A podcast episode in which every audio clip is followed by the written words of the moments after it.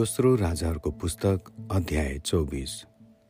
यहोयाकिमको राजकालमा बेबिलोनका राजा नबुकदनेसरले देशलाई आक्रमण गरे र तीन वर्षसम्म यहोयाकिम उनका अधीनमा रहे। तर तीन वर्षपछि तिनले आफ्नो मन बदलेर नबुकदनेसरको विरुद्धमा विद्रोह गरे। परमप्रभुले तिनको विरुद्धमा बेबिलोनी अरामी मुआबी र अम्मोनीहरूका लुटपिट गर्ने दलहरू पठाउनुभयो परमप्रभुले आफ्ना दास अगमभक्तहरूद्वारा अगमबाडी गरे अनुसार यहुदालाई नाश गर्न उनीहरूलाई पठाउनुभयो मनुष्यले गरेका पापहरू र तिनले गरेका सबै काम अनि तिनले निर्दोषी रगत बगाएको कारणले तिनीहरूलाई आफ्नो सामुबाट निकालिदिने परमप्रभुको अभिप्राय पुरा हुन निश्चय नै परमप्रभुको आज्ञाअनुसार यी सबै यहुदामाथि हुन आए। किनकि मनुष्यले निर्दोषी रगतले एरुसेलेमलाई भरिदिएका थिए र परमप्रभुले क्षमा गर्न चाहनु भएन। यहोयाकिमको राजकालका अरू घटनाहरू र तिनले गरेका सबै कार्यहरू के ती यहुदाका राजाहरूका इतिहासको पुस्तकमा लेखिएका छैनन् र यहोयाकिम आफ्ना पित्रहरूसित सुते।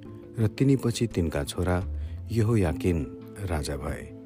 मिश्र देशका राजा उनको आफ्नै देश छोडेर फेरि आएनन् किनभने बेबिलोनका राजाले मिश्रको खोलादेखि लिएर युफ्रेटिस नदीसम्म उनका सबै इलाकाहरू उनीबाट लिएका थिए।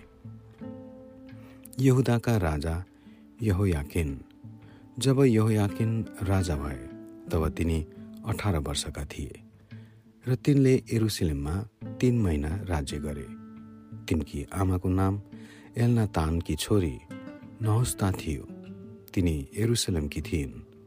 आफ्ना पिताले गरे चाहिँ तिनले परमप्रभुको दृष्टिमा जे कुरो खराब थियो त्यही गरे। त्यसबेला बेबिलोनका राजा नबुकदनेश्वरका अधिकृतहरू एरुसलेमतिर बढेर त्यस सहरलाई घेरा हाले अनि आफ्ना अधिकृतहरूले त्यसलाई घेरा हालिसकेको बेलामा नबुकदनेश्वर स्वयं सहरमा आइपुगे। यहुदाका राजा यहोयाकिन तिनकी आमा तिनका टहलुवाहरू तिनका भारदारहरू र तिनका अधिकृतहरू सबैले आफू आफूलाई उनको हातमा सुम्पिदिए। बेबिलोनका राजाले आफ्नो शासनको आठौँ वर्षमा यहोयाकिनलाई कैद गरे।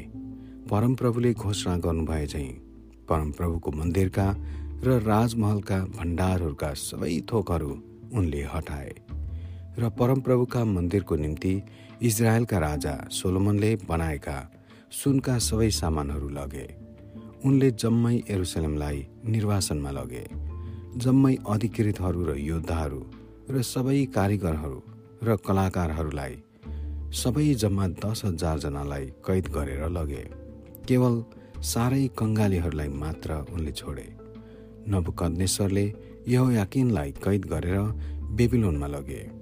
उनले एरुसलेमबाट राजमाता तिनका पत्नीहरू तिनका अधिकारीहरू देशका अग्रगण्य मानिसहरूलाई एरुसलेमबाट बेबिलोनमा लगे।